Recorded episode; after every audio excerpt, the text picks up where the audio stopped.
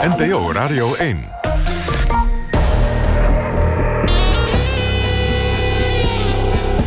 Argos. Onderzoeksjournalistiek van de VARA, Human en de VPRO. Max van Wezel. Allereerst, het gaat je goed, Kees Boman. Ik zal onze wekelijkse gesprek op het Mediapark... over de stand van zaken in de Nederlandse journalistiek vreselijk missen. Welkom bij Argos, het onderzoeksprogramma van NPO Radio 1. Straks komen Carlijn Kuipers en Thomas Muns... van het onderzoeksplatform Investico vertellen... over het bedrijf Focum. Dat bedrijf handelt in persoonsgegevens over onze betaalmoraal. Het kreeg naar aanleiding van een artikel van hun een prijs... de Big Brother Award. Of ze daar blij mee zijn, Carlijn en Thomas in elk geval wel. U hoort ze om kwart voor drie. En u kunt met ons meepraten. De hashtag is Argos Radio 1. NPO Radio 1. Argos. Maar nu eerst ons eigen onderzoek. Volgende week doet de rechter uitspraak in de zaak tegen de agenten... die twee jaar geleden Mitch Henriques arresteerden. Dat ging met veel geweld gepaard. Geweld dat Henriques noodlottig werd. Stierf hij nou door de nekklem van de politie of als gevolg van het acuut stresssyndroom? Dat is de hamvraag bij de rechtszitting. En Erik Arends en Sanne Boer brengen nu alvast het verhaal. We hebben geconcludeerd dat de heer Enriquez door de hele aanhouding... door het rechtmatige en het onrechtmatige geweld... maar ook door zijn verzet uiteindelijk het leven heeft verloren. Dit zei de officier van justitie in de zaak van Mitch Henriques... vorige maand voor de rechtbank Den Haag. Op basis van de verschillende deskundige rapportages zijn wij van oordeel... dat het overlijden van Henriques het best kan worden verklaard... door het acute stresssyndroom en niet door een zuurstoftekort veroorzaakt door een verburging. Tweeënhalf jaar nadat Henriques bij zijn arrestatie op een muziekfestival in Den Haag was overleden, hoorde zijn familie de eis van het Openbaar Ministerie. Ja, twee van de vijf agenten die betrokken waren bij die fatale arrestatie zijn volgens het OM schuldig aan mishandeling, maar niet aan dood door schuld, zoals ze eerst stelden. Op dat punt vroeg de officier daarom vrijspraak. De agenten waren al genoeg gestraft. De gebeurtenissen van 28 juni 2015 en de daarop volgende bedreigingen en de strafvervolging heeft ook gevolgen gehad voor hun gezondheid. Bij beide is PTSS geconstateerd. Deze zaak heeft dus een zeer grote impact gehad, ook op de verdachten, op persoonlijk vlak, maar ook binnen hun werk. Omroep West liet na het requisitoor van het OM de ex-vriendin van Mitch aan het woord. Ik ben echt heel boos. Ik vind het schandalig. Het is gewoon een schande voor Nederland. En ook voor de betrokken agenten is de zaak Henriques een drama. Een van hen, die je zo dadelijk hoort, zei daarover in de rechtszaal... De mensen om je heen gaan door met het leven, maar voor mij heeft het stilgestaan. Stilstaan vanaf 27 juni 2015. Hoe lang gaat dit nog duren? Wanneer is deze nacht mee voorbij? Veel mensen vonden het opvallend dat justitie deze agenten niet verantwoordelijk houdt voor de dood van Henriques. De advocaten van de familie natuurlijk ook. Dit zei Gerald Roethoff, advocaat van Henriques ex. Waarom hebben deze agenten nog een advocaat nodig? Het requisitor van het Openbaar Ministerie kwam bij mij over als een, uh, een pleidooi. Kan je niets anders van maken als een pleidooi van een advocaat. De hoofdofficier van Justitie in Den Haag gaf daarna een toelichting in het programma van Jeroen Pauw. Schade aan brein door zuurstoftekort, zwelling bij de ogen, zwelling neus, bloeduitstortingen, breuken in het strottenhoofd. Ja. Geweld op de hals kan hebben geleid tot verstikkingseffect door zuurstoftekort in de hersenen en daardoor onherstelbare schade in overige organen. Dat zegt één, één uh, medische deskundige, Ja, de patholoog-anatoom. Ja. Uh, maar het merendeel van de deskundigen zeggen dat er uh, mogelijk een soort stresssyndroom heeft zich voorgedaan in het lichaam van Mitch. En dit vonden we vreemd. Want de hoofdofficier leek hier de kwestie een beetje als een uh, wedstrijd te benaderen. Er waren meer deskundigen die menen dat Henriques is overleden aan een stresssyndroom... dan deskundigen die denken dat er sprake was van verstikking door de nekklem. Hij legde uit wat dat stresssyndroom volgens hem is. Uh, dat is een ingewikkeld verhaal, maar waar het uh, plat gezegd op neerkomt... is dat je uh, te veel adrenaline aanmaakt, wat het hart niet meer aan kan... waardoor het hart, ga, hart gaat trillen en waardoor er een hartstilstand optreedt... waardoor er zuurstofgebrek optreedt. En dan is het de vraag, is de doodsoorzaak nou de verstikking... Nou, dan zeggen de meeste medische wat de ene, deskundigen... ene deskundige wat één deskundige wel zegt, ja. maar drie anderen niet... Uh, drie anderen zeggen nee, de meest waarschijnlijke doodsoorzaak is de, dat stresssyndroom. Ja, het is dus drie tegen één, zei de hoofdofficier. En ja, dan kun je als Openbaar Ministerie weinig anders doen dan de agenten op dit punt vrijpleiten. Maar is het echt 3-1? Of liggen de verhoudingen anders? Wat is de werkelijke stand?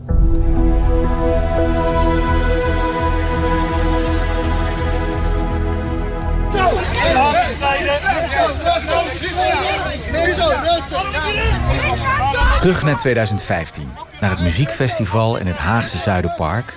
waar Mitch Henriques op zaterdag 27 juni wordt aangehouden. 42 jaar is hij dan. En hij is vanuit Aruba naar Nederland gekomen om zijn dochter te bezoeken. Want hij zou binnenkort opa worden. Hij roept tegen de politie dat hij een wapen bij zich heeft... en grijpt daarbij in zijn kruis. Blijkt een verkeerde grap op het verkeerde moment. De politieagenten houden hem aan wegens verstoring van de openbare orde. En die arrestatie loopt zo uit de hand dat Henriques overlijdt. Wat is er precies gebeurd? Om daarop een antwoord te krijgen, brengt justitie het lichaam van Henriques naar het Nederlands Forensisch Instituut, het NFI. Daar onderzoeken ze in opdracht van het Openbaar Ministerie overledenen die mogelijk door een misdrijf om het leven zijn gekomen. Henriques belandt op de sectietafel van forensisch patholoog Fidia Soertjebali. De uitkomst van haar sectie is helder. Henriques overleed waarschijnlijk aan, zoals ze schrijft, mechanisch samendrukkend geweld op de hals. Ofwel verwurging door de neklem. Ja, ja, daardoor raakte zijn ademhaling ernstig belemmerd. Ook al omdat hij op zijn neus was gestompt en vijf agenten hem in bedwang hielden terwijl hij op zijn buik lag. Het OM besluit daarop twee van de vijf agenten strafrechtelijk te vervolgen voor doodslag of dood door schuld. Maar dan komen de advocaten van de agenten ineens met een ander rapport. Dan komt er opeens uh, te elfde uur, op het moment dat de inhoudelijke behandeling zou beginnen, een uh, verklaring van een deskundige, die wij overigens vaker zien oppoppen op het moment dat overheidsdienaren in het nauw zitten, uh, meneer Das. Dit is Richard Korver. Een van de advocaten van de nabestaanden. Uh, en die komt met een konijn uit een hooghoed. Terwijl, ja, weet je, de patholoog zegt het is glashelder. En dan komt er iemand die meneer Henriques nog nooit heeft gezien. Uh, en ja, die roept uh, iets heel anders, een acuut stresssyndroom. Het rapport roept vragen op bij de rechters. Want die zitten nu ineens met twee deskundigen die elkaar volledig tegenspreken. Aan de ene kant is er de conclusie van de forensisch patholoog die de sectie heeft gedaan. En die is van tafel geveegd door een forensisch arts, Kees Das. Voor de goede orde, een forensisch arts voert zelf geen secties uit. Das heeft zich gebaseerd op de informatie die op papier staat. De rechtbank besluit dat een derde expert de zaak moet onderzoeken. Ze vragen Daan Botter, een collega van Soortje Bali bij het NFI. Ook hij is forensisch arts. En Botter zegt, Das heeft gelijk. Er is sprake van een acuut stresssyndroom. Ja, en die advocaat, Korver, die is verbaasd. Nou ja, je zou verwachten dat een collega van hetzelfde instituut hetzelfde oordeelt. Maar uh, deze meneer oordeelt eigenlijk uh, totaal contrair aan zijn eigen collega. En, Onafhankelijk zou je kunnen zeggen. Dus. Ja, dat zou je kunnen zeggen. Maar weet u, uh, dan krijgen we toch wel de heel vreemde situatie... dat het NFI twee deskundigen levert... die ieder iets diametraal tegenovergestelds verklaren. Um, het NFI, we hebben maar één NFI in ons land. Uh, daar wordt blind op gevaren uh, door alle uh, mensen die in de strafrechtketen werkzaam zijn. Maar met name rechters vinden de visie van het NFI heel erg belangrijk. En daar moet je toch op kunnen vertrouwen. Nou ja, als die mensen daar intern al niet op één lijn zitten, dan, dan ja, wordt het toch wel ernstig. Uh, sfeer was om te snijden uh, tijdens de zitting... waarin deze deskundigen met elkaars bevindingen werden uh, geconfronteerd. En dat is voor nabestaanden eigenlijk een hele heikele kwestie. Want die vertrouwen erop dat de overheid uh, ter zake kundige pathologen anatomen inschakelt om secties te verrichten als er een verdenking is van een strafbaar feit. En al helemaal als de verdenking is dat iemand van de overheid een burger om het leven heeft gebracht. Uh, je zou eigenlijk willen dat als het NFI iets vindt, dat het hele NFI dat dan ook vindt. Uh, en niet uh, dat je dan toch nog afhankelijk bent van welke persoon binnen het NFI iets vindt. We hebben met bronnen binnen het NFI gesproken. En ook zij vinden het raar dat hun instituut met twee monden spreekt. Officieel wil het NFI ons geen commentaar geven. De advocaten van de agenten willen ook niets zeggen. Ja, zij willen wachten tot de uitspraak door de rechtbank. Maar je mag ervan uitgaan dat zij in hun nopjes zijn over de conclusies van de derde expert. Die was immers door de rechtbank aangewezen en geeft hun deskundige gelijk. En de advocaten vinden daarna nog iemand die de theorie van het acuut stresssyndroom onderschrijft. Forensisch patholoog Pieter van Driessen. Ja, en zo wordt de stand 3-1, om in de woorden van het Openbaar Ministerie te blijven. Het OM wijzigt nu haar opstelling ten opzichte van de agenten. Ze worden niet langer verdacht van doodslag of dood door schuld, maar alleen nog van mishandeling.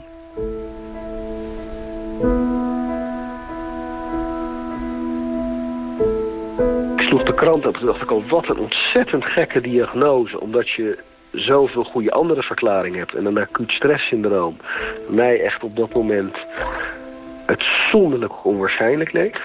In Den Haag valt Raymond Baak om van verbazing. Baak is cardioloog-intensivist in het Haga ziekenhuis. Hij is de arts die Mitch Henriques in 2015 na die gewelddadige arrestatie heeft behandeld. En uh, ook andere collega's die de behandeling, bij de behandeling van deze patiënt uh, betrokken waren, die vonden dat ook een uh, bijzondere conclusie. Ik ben toen nog door meerdere collega-intensivisten die mij actief gebeld hebben van... joh, wat is dit een ontzettend gek verhaal, deze diagnose. En dat is eigenlijk het moment waarop ik heb gezegd van... kan ik hier nou nog wat extra's voor betekenen? Dus ik wil gewoon het belang van mijn patiënt dienen. En hij is niet de enige medicus die zich verbaast over het besluit van het OM. Oké, okay, we zitten hier met z'n drieën, uh, met z'n vieren drie uh, deskundigen aan tafel, drie hoogleraren intensive care... op de kamer van uh, Amman Geerbus in het VUMC. Misschien moet u zich eerst even voorstellen. Ik ben Amman Geerbus, ik ben hoogleraar intensive care geneeskunde... en hoofd van de afdeling intensive care volwassenen in het VU Medisch Centrum. Ik ben Jan Bakker, ik ben hoogleraar intensive care... aan het Erasmus MC en aan uh, Columbia University en New York University in New York. Ik ben Diederik Gommers, ook hoogleraar intensive care geneeskunde aan de Erasmus uh, Medisch Centrum en ook afdelingshoofd van die intensive care volwassenen al daar. En u bent voorzitter? Voorzitter van de Nederlandse Vereniging van Intensive Care. Het zijn niet de eerste de beste medici die zich melden. En ze doen het met twijfel. Want ze willen zich niet mengen in een lopende rechtszaak. Maar hun medische beroepsethiek dwingt ze om zich uit te spreken, vinden ze. Ze staan voor hun vak en vandaag willen ze dat vertellen.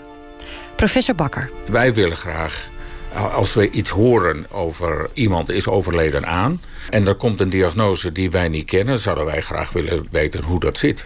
Maar in het algemeen, als het om een rechtszaak gaat... dan krijg je vraagtekens. En die zouden wij graag beantwoord willen zien, die vragen die we hebben. Meneer Gommers, wat dacht u toen u voor het eerst hoorde... het is een acuut stresssyndroom waar meneer Henriques is overleden?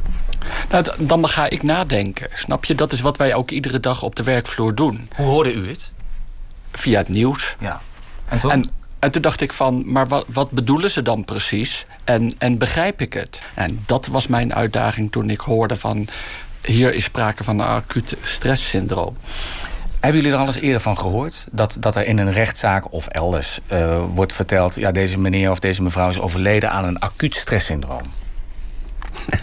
Nou, ik hou niet de hele rechtsgang uh, bij. Uh, ik luister ook niet altijd naar de Nederlandse media.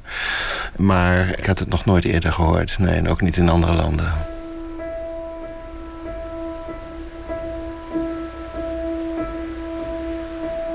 Ik vind het echt uitzonderlijk ongemakkelijk. En ik doe het echt alleen omdat het belang heeft voor mijn patiënt. Ook cardioloog Raymond Baak, die Henriques behandelde, vindt het niet eenvoudig om zich over de kwestie uit te spreken. Het is de eerste keer dat hij dit openlijk doet. Hij wil zich niet met het juridische gedeelte van de rechtszaak bemoeien.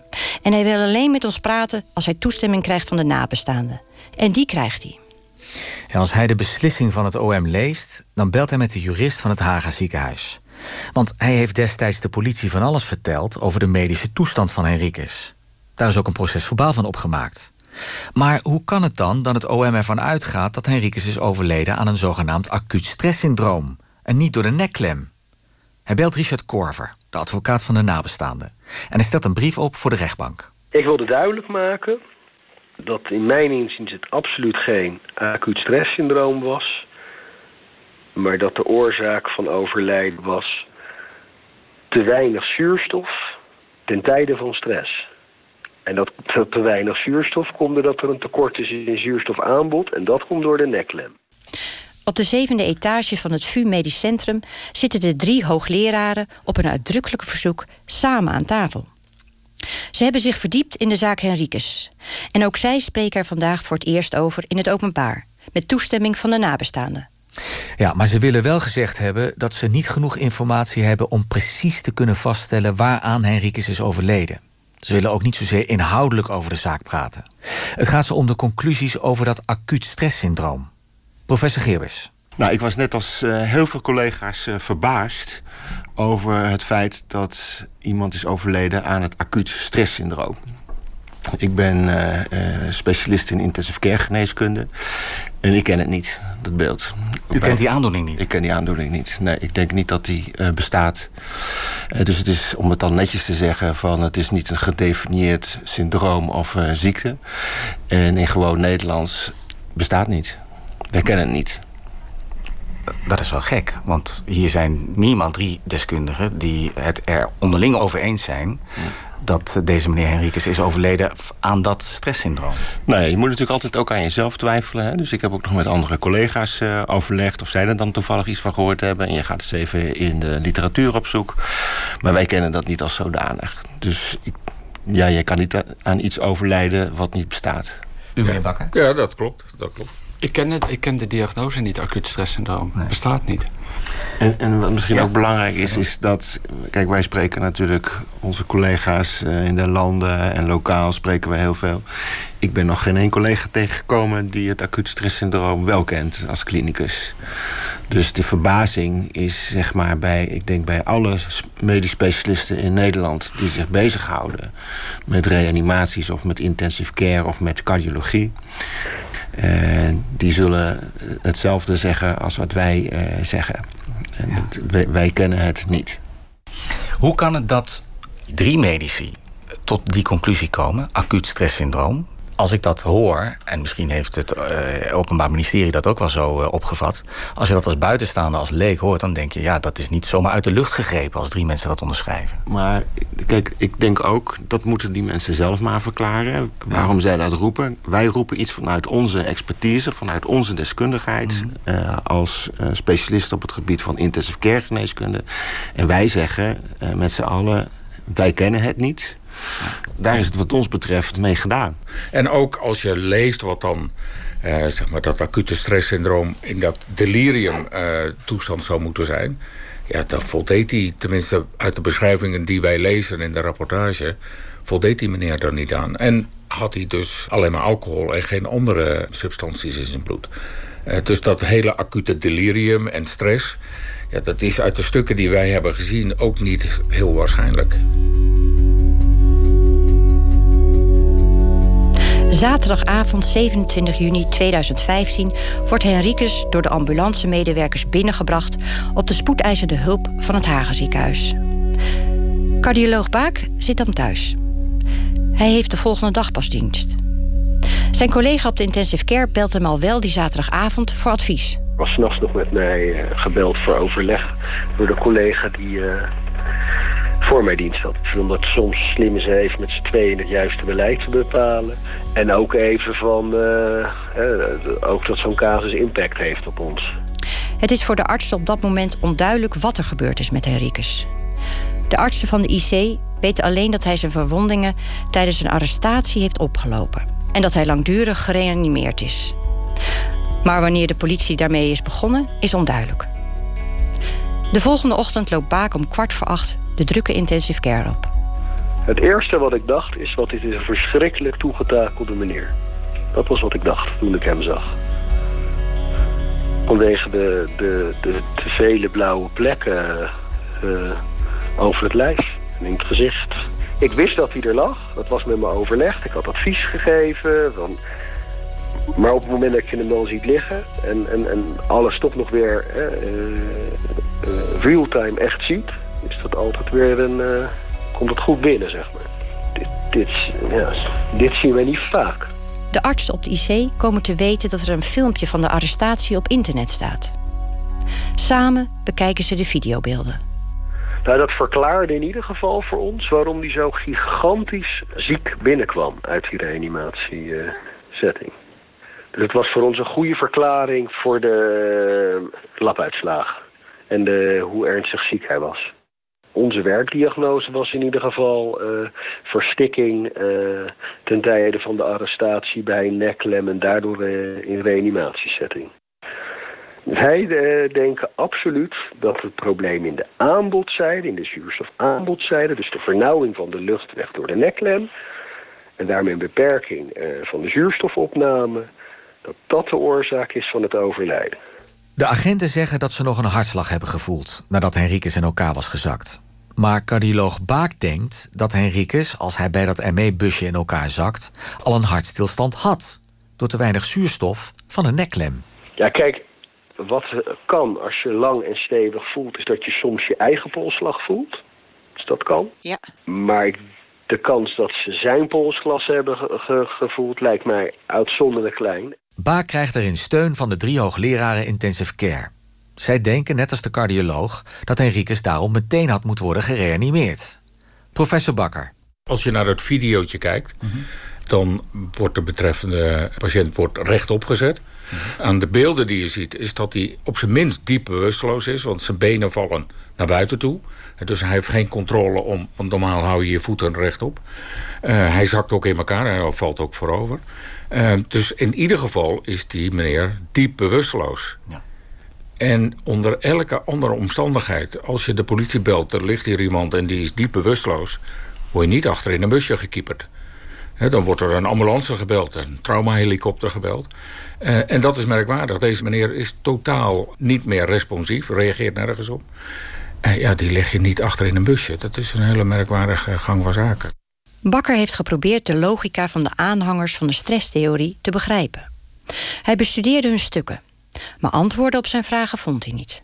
Alle uh, zeg maar, meest voor de hand liggende dingen worden uh, individueel afgestreept. En ja, dat is merkwaardig. Een hele merkwaardige gedachtegang. Nee, als je iemand een, een nekklem aanlegt, uh, bovenop zijn, uh, zijn borstkas gaat zitten, zijn buik op de grond drukt, met de nekklem zijn armen onder zijn lijf probeert weg te trekken. En iemand wordt blauw en achteraf heeft hij allemaal bloeduitstortingen en, en breuken in de kraakbeen van, de, van de hals.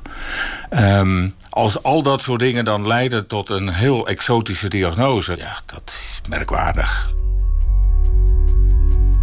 Op de intensive care afdeling van cardioloog Baak wordt Henriques na de arrestatie kunstmatig in slaap gehouden. Hij kreeg maximaal zuurstof toegediend en ook veel medicijnen om zijn bloeddruk op peil te houden. Onder andere zogeheten stresshormonen. Ja, en daar ziet Baak, als hij er nu op terugkijkt, nog een ander bewijs voor zijn stelling dat het geen acute stress was die zijn patiënt fataal werd. Hij kreeg ook uh, zeg maar adrenaline en uh, noradrenaline in hoge standen toegediend om in uh, leven te blijven en voldoende bloeddruk op te bouwen. En dat gaven we toen in veel hogere dosering als het lichaam dat zelf aan kan maken. En uh, dat is wel wat we heel gek vinden. Hij heeft geen enkele ritmestoornis bij ons laten zien. En als je dus van een acuut stresssyndroom zou spreken, zou je zeggen dat die, deze stresshormonen de hartritmestoornis zouden veroorzaken. Dus de hartstilstand zouden veroorzaken. En dan is het wel gek dat als wij veel hogere doseringen van deze uh, stresshormonen toedienen... dus, dus hè, de noradrenaline en de adrenaline... dat er dan bij ons ten tijde van de gehele opname geen enkele hartritmestoornis is. Dat pleit wat mij betreft heel erg tegen een uh, acuut stresssyndroom. Wat zei de hoofdofficier van Justitie vorige maand ook alweer tegen Jeroen Pauw? En dan is het de vraag, uh, is de doodsoorzaak nou de verstikking? Nou, dan zeggen de meeste Wat de ene, deskundigen... ene deskundige wat één deskundige wel zegt, ja. maar drie anderen niet. Uh, drie anderen zeggen, nee, de meest waarschijnlijke doodsoorzaak is de, dat stresssyndroom. Ja. Maar stel dat deze deskundigen door de rechtbank waren gehoord... Zou het dan, in de woorden van het Openbaar Ministerie, nog steeds 3-1 zijn in het voordeel van het acuut stresssyndroom? Forensisch medisch onderzoeker Selma Eikelenboom heeft kort geleden in elk geval, in opdracht van de advocaat van de nabestaanden, een rapport geschreven waarin zij concludeert Het was de neklem. Ja, en let op, daarmee is die wedstrijd die het OM daarvan heeft gemaakt nog niet voorbij. We pakken de trein naar Antwerpen, naar het Universitair Ziekenhuis, de afdeling pathologie.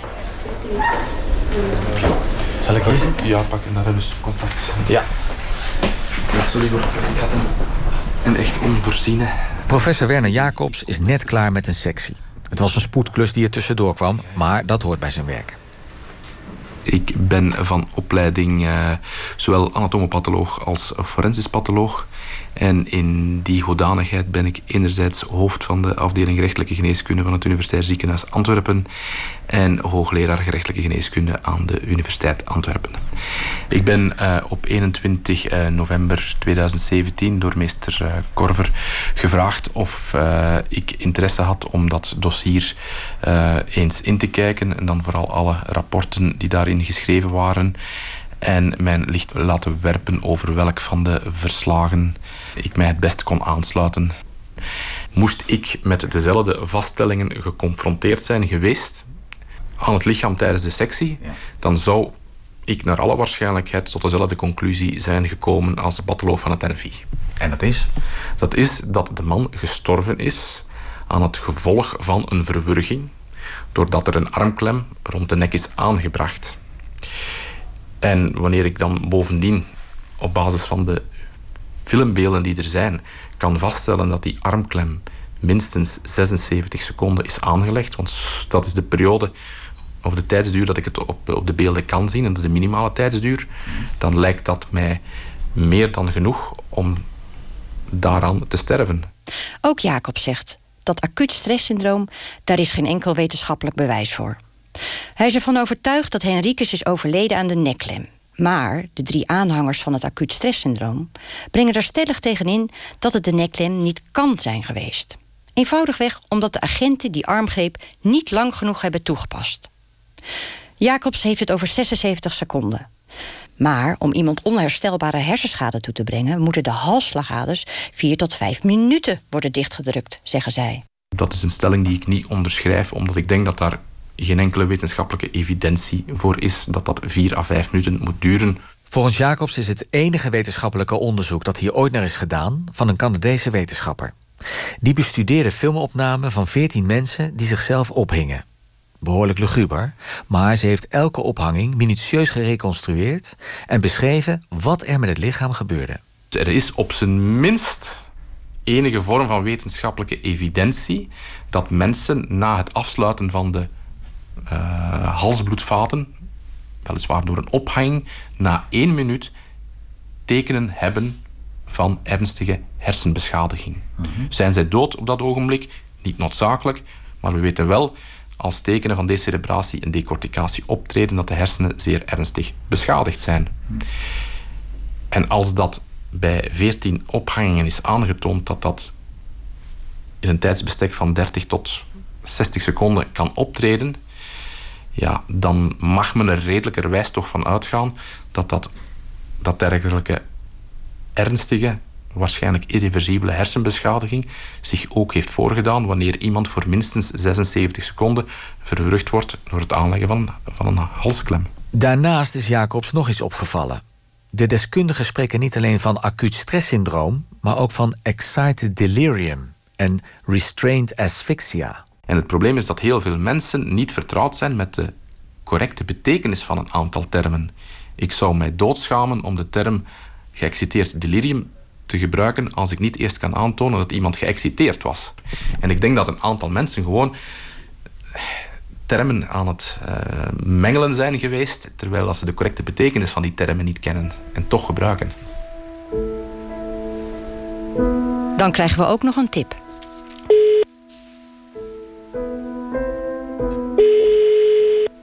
Er blijkt nog een deskundige rapport te bestaan.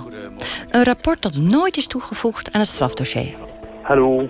Hallo, meneer Van der Voorde. Jawel, dat klopt. Goedemorgen.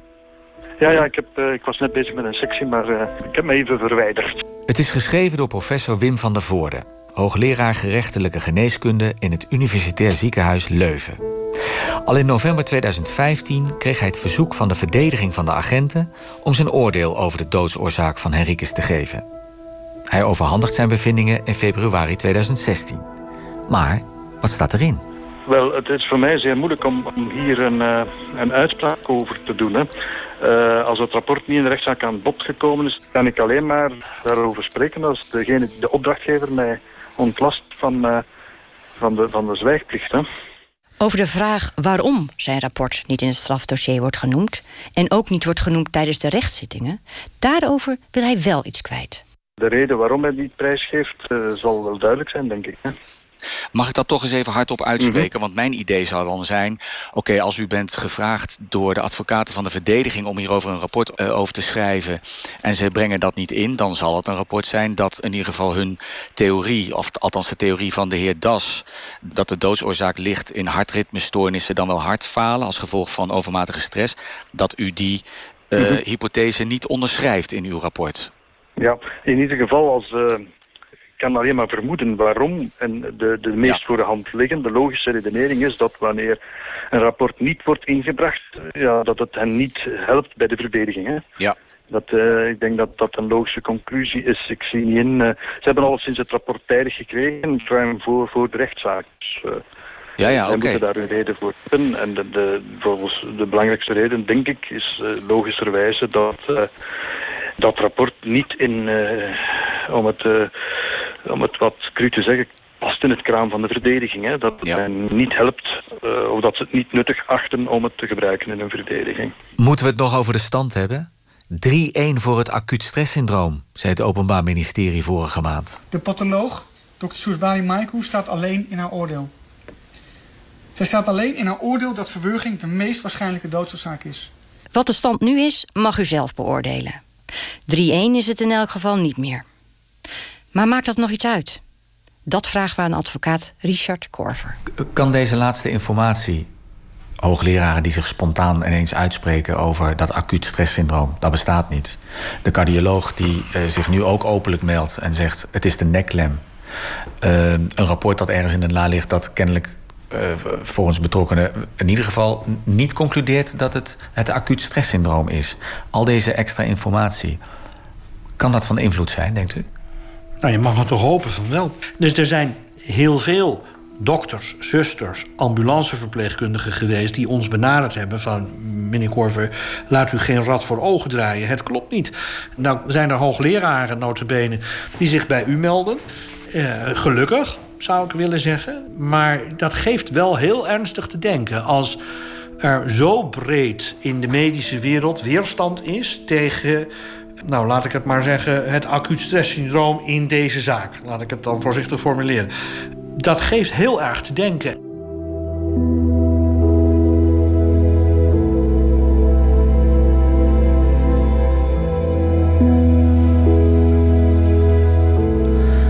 Hebben de uitspraken van de medici voorgelegd aan talloze instanties. De rechtbank in Den Haag bijvoorbeeld, het Openbaar Ministerie... de advocaten van de agenten, de deskundige Das en Botter... die geconcludeerd hebben dat het acuut stresssyndroom... de dood, doodsoorzaak moet zijn geweest... en aan forensisch patholoog Fidia Sourjebali... van het Nederlands Forensisch Instituut. Nou, ze willen allemaal niet inhoudelijk reageren. Ze wachten de uitspraak van de rechter af en die is komende week. We hebben deze uitzending niet gemaakt om de agenten als schuldigen aan te wijzen... Het gaat er wel om dat de rechtbank op de juiste gronden een beslissing moet kunnen nemen. Deze Argos werd gemaakt door Sanne Boer, Erik Arends, Cor Jansen en Kees van der Bos. Techniek Alfred Koster en met speciale dank aan Omroep West. Wilt u de reportage terughoren? Ga dan naar argos.vpro.nl. Daar kunt u zich ook abonneren op onze nieuwsbrief, de podcast vinden en daar vindt u ook alle andere manieren om Argos te volgen.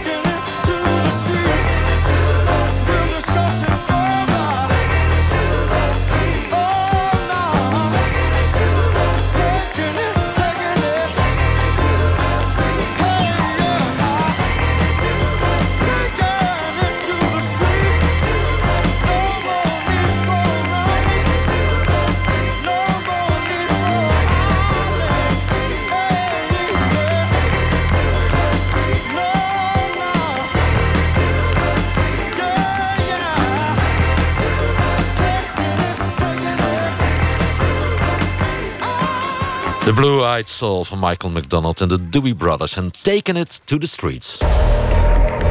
Argos, de kwestie. Een prijs winnen die je helemaal niet op prijs stelt. Dat overkwam het bedrijf Focum deze week. De Big Brother Expertprijs wordt jaarlijks uitgereikt aan instellingen of bedrijven die het niet zo nauw nemen met onze privacy. Tot dit najaar had ik eerlijk gezegd nog nooit gehoord van Focum, maar toen verscheen er een groot artikel in de Groene Amsterdammer over de manier van werken van datamakelaars, datadealers.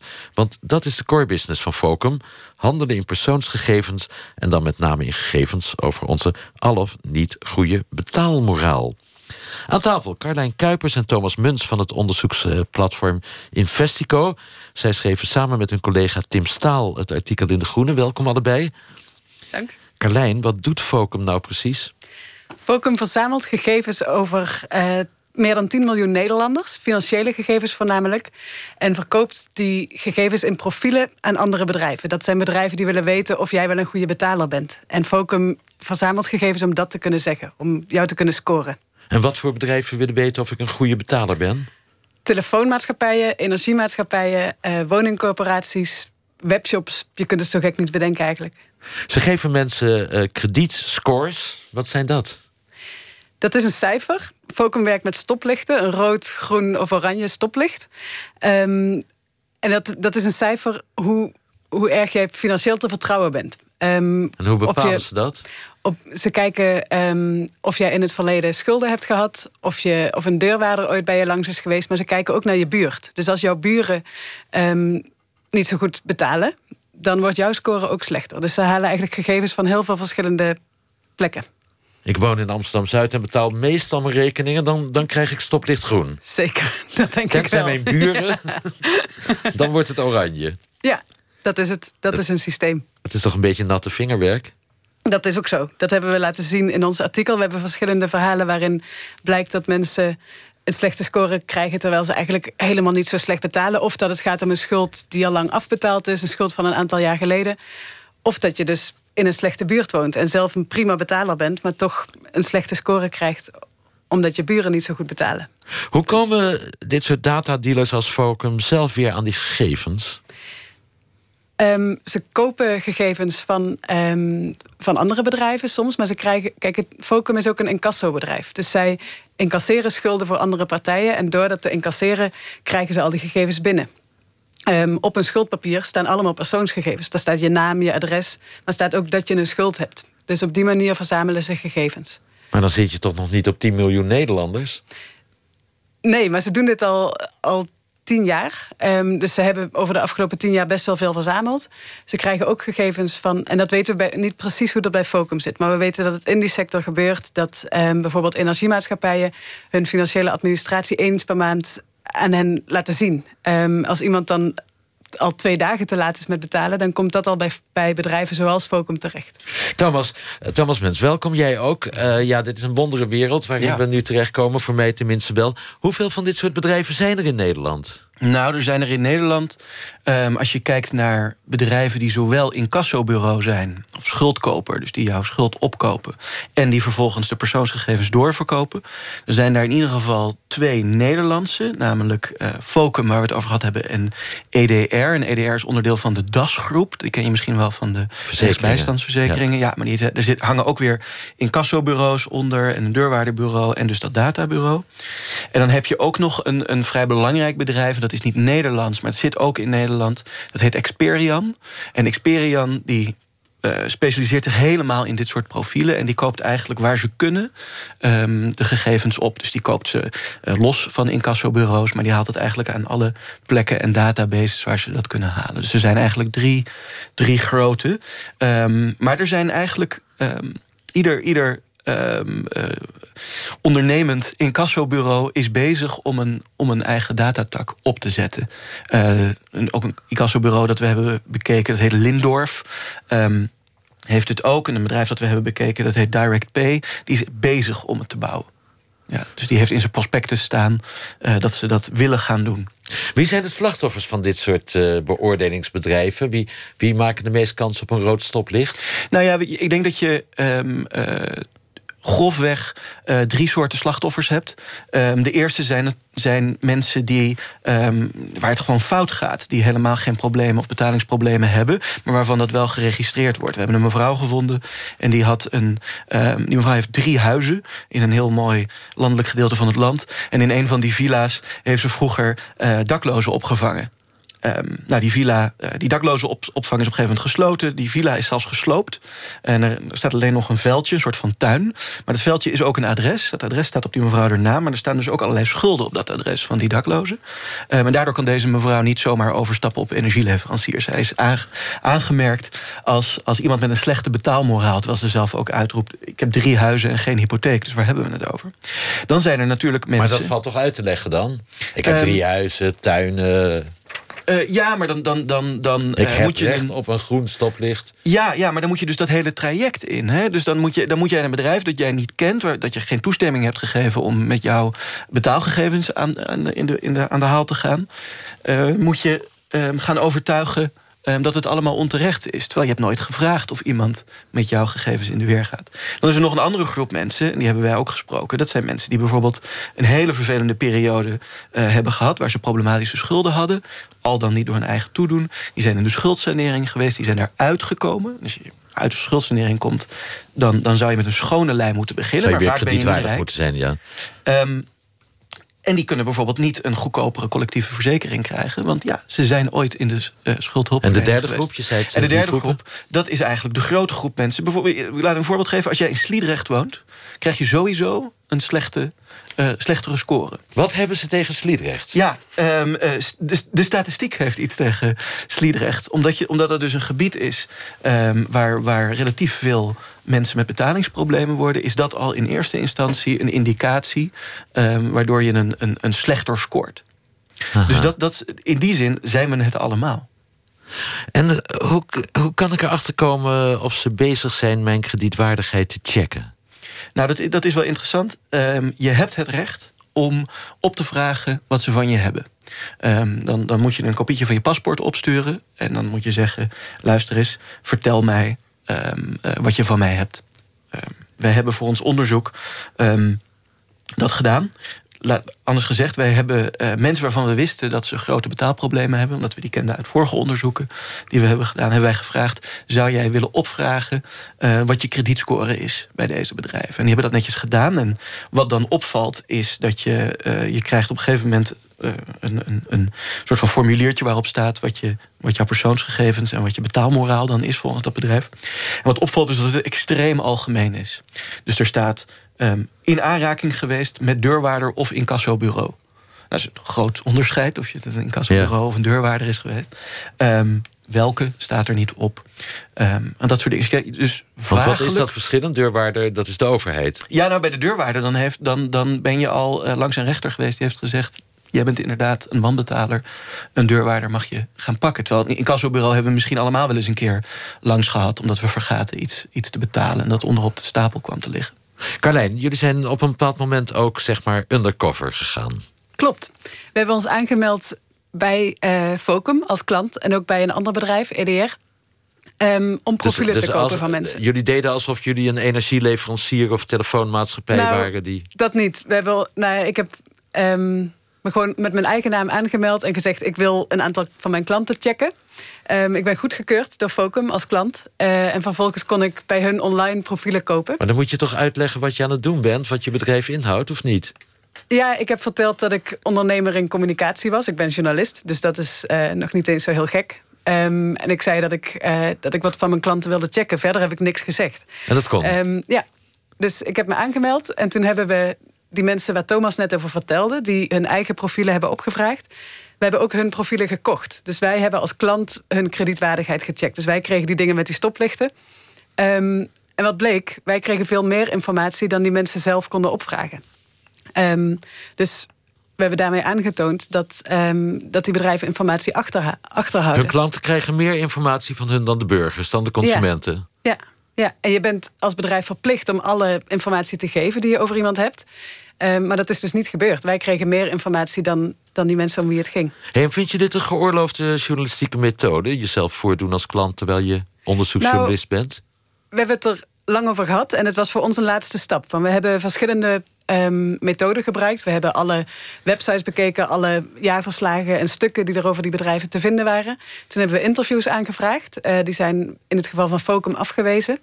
Um, toen hebben we mensen hun eigen profielen laten opvragen. Um, toen bleek dat die heel algemeen waren. En we hadden nog wat vragen over die we op geen andere manier beantwoord kregen. En toen hebben we er inderdaad in goed overleg voor gekozen om undercover te gaan. Um, maar ook, we hebben, we hebben niet iets gelogen. We hebben niet uh, ons anders voorgedaan. Ik heb hem wel voorgedaan met mijn eigen naam en met... Ja. Als ondernemer in communicatie. Ja. Waar, waarom, Thomas, heeft uh, Focum nou die Big Brother Award gewonnen maandag? Want je zei het al, er zijn nog veel meer bedrijven die zich op dit terrein begeven. Zijn zij erger? Um... Ze zijn in ieder geval de grootste. Ze, hebben, ze beschikken over de meeste uh, persoonsgegevens. Ze zijn als een van de langste eigenlijk ermee bezig. En ik denk dat het belangrijk is voor een organisatie als Bits of Freedom... die die prijs uitreikt, dat, dat je ook een Nederlands bedrijf weet aan te, uh, aan te wijzen. En ik denk dat dat ook, ook een deel van onze verbazing was toen we aan het onderzoeken waren. Dat iedereen weet, Facebook verzamelt alles van je, Google verzamelt alles van je, al die grote Amerikaanse techreuzen doen dat. Um, maar relatief stilletjes, zonder dat we daar met z'n allen heel erg goed van op de hoogte zijn, zijn er dus ook incassobureaus die langzamerhand uh, eenzelfde hoeveelheid informatie proberen te verzamelen en, en, en uh, in eenzelfde branche eigenlijk zitten, namelijk het verzamelen van persoonsgegevens en die linksom of rechtsom te gelden maken. En ik denk dat het belangrijk is om daar aandacht voor te vragen. Dat het niet alleen de grote reuzen zijn in, in Silicon Valley, maar dat steeds meer kleine bedrijven ook deze systemen aan Ook gewoon bedrijfjes in Zwolle en Hilversum zijn die. Ja. Want daar zitten ze. Ja. Eh, mag het wat ze doen, Carlijn? Nee. Um, kijk, als je gegevens verzamelt, persoonsgegevens, dan moet je mensen informeren dat jij die gegevens binnenkrijgt. Um, dat is in het geval van Focum verschillende keren niet gebeurd. En als die gegevens dan weer naar een ander bedrijf gaan, dan moet je mensen opnieuw informeren. En in die, in die gevallen van die mensen die we hebben onderzocht, is dat niet gebeurd. Um, dus is daarmee, wordt daarmee de, de privacywetgeving geschonden. Um, volgens, volgens ons, maar ook volgens verschillende experts die we spraken. De autoriteit persoonsgegevens die daarover gaat, die daar toezicht op moet houden, die is daar ook op, op aangesproken in een, uh, op BNR, BNR Nieuwsradio. Ja. Um, en daar zei de, zei de voorzitter van die autoriteit van dit, dit dit is een nare business en het, het lijkt alsof dit niet in, in lijn is met de wet. En ze gaan nu ook kijken of ze een onderzoek gaan doen naar die bedrijven. Thomas, we hebben Focum uiteraard uh, gevraagd hier vanmiddag ook te zijn. Dat, dat, dat lukte door persoonlijke omstandigheden niet. Het bedrijf heeft ons wel uh, bijgepraat. Ze zeggen dat ze handelen volgens de gedragscode voor kredietwaardigheidsbeoordelaars. Dat het echt overdreven is dat ze gegevens van miljoenen Nederlanders bezitten. Ze zeggen van niet. En ze beklaagden zich over jullie. Mm. Namelijk over het gebrek aan wederhoor dat jullie hebben to toegepast. Uh, hebben jullie dat wel netjes gedaan? Ja, wel, ik denk dat wat Carlijn net al uitlegde... we hebben ze uh, in een vroeg stadium, dus we hebben in het najaar gepubliceerd... we hebben ze in de loop van de... Uh, einde van het voorjaar, loop van de zomer... Uh, herhaaldelijk verzocht om een interview. We hebben ze bovendien, dat heeft Carlijn nog niet gezegd... Ehm, lijsten met vragen gestuurd. Want dat doe je netjes. Kijk, als een, het, staat een bedrijf komen vrij om niet te reageren op een onderzoek. Ik heb liever dat ze met hem praten. Uh, maar je hoeft niet in te gaan op een interviewverzoek. Maar dan krijg je van ons een lijst vragen. Hoe zit het met dit, hoe zit het met dat, hoe zit het met dit? En daarin zijn we volkomen open geweest. Wat we onderzoeken, waar volgens ons de, de, de crux zit, hè, de pijn zit. Um, en waar volgens onze gesprekken met experts ook de, de wetgeving overtreden. Ook daar Um, als ik me dat goed herinner, hebben ze niet op gereageerd. Ze hebben eigenlijk um, helemaal aan het einde, toen we ze een aantal stellingen voorlegden... van dit zullen we stellen in het verhaal, dit zullen we stellen, dit zullen we stellen...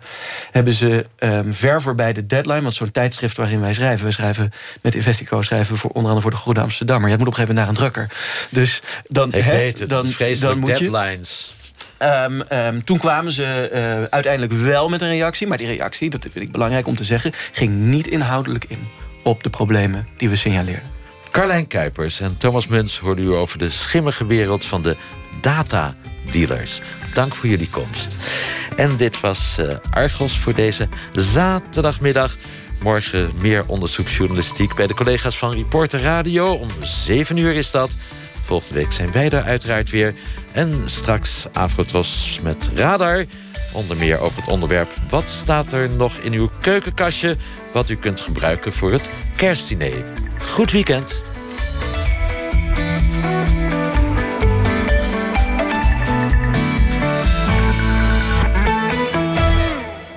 NPO Radio 1. De Braziliaanse Amazone. Wauw, er komt er een enorme truck met hout aan en hij stopt. De bossen, de woudreuzen. Inmiddels is al een oppervlakte van twee keer Duitsland gekapt. En als er geen fruitbomen meer zijn, komen er geen dieren, kunnen zij niet jagen, hebben zij geen eten. Deze week in Radio Doc de documentaire Waakhond van het Woud.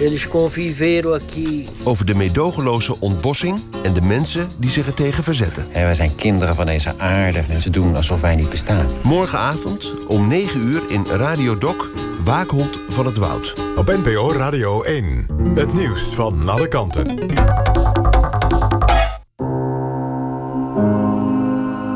Mijn papa is heel sterk. Hij kan zelfs een gat in de deur slaan. Kindermishandeling is niet altijd even duidelijk.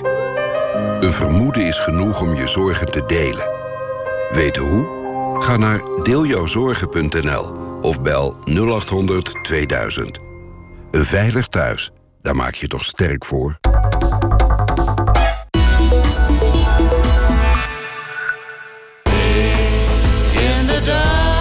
Vanavond in Hollands Hoop 2 kan Fokker maar moeilijk omgaan met het verraad. Ik had gewoon die trekker over moeten halen. Ik zeg niet gauw, maar als iemand het verdiende. Je ziet het in de spannende hitserie Hollands Hoop 2. Vanavond om vijf half negen op NPO 2. Unive Zorg Select is niet zo spannend. Het is een complete zorgverzekering, al voor 100,95 euro per maand. hey, oma, hoor je dat? Daar hou je de centjes mee over. Centjes voor in jouw spaarpot zeker? Unive Zorg Select. Sluit nu af op unive.nl of in een van onze winkels. Unive, daar plukt u de vruchten van. 1920s Jazz Age. Fashion en photographs. Een blik op de glamour en overdaad uit de jaren 20. Nu te zien in Textielmuseum Tilburg. Bij een pak draag je geen zeiljak. Sleutels zitten niet in je broekzak. En je ondershirt draag je niet zichtbaar. No Shirt. Premium Invisible Underwear. Check noshirt.nl Kom naar Rijksmuseum Twente en ontdek met Otto Marseus van Schriek... schilder van de Bijbel der Naturen... die andere kant van onze Gouden Eeuw. En zie hoe de natuur ook hedendaagse kunstenaars inspireert... in de aard der dingen. Nu in Rijksmuseum Twente. Multiple sclerose is letterlijk en figuurlijk zenuwslopend. Stichting MS Research werkt aan de oplossing. Geef alstublieft. Ga naar msonderzoek.nl. Roofgoed. Kunstdiefstal in Nederland. Een uniek kijkje in de wereld van de kunstcriminaliteit. Roofgoed. Nu in het Westfries Museum in Hoorn.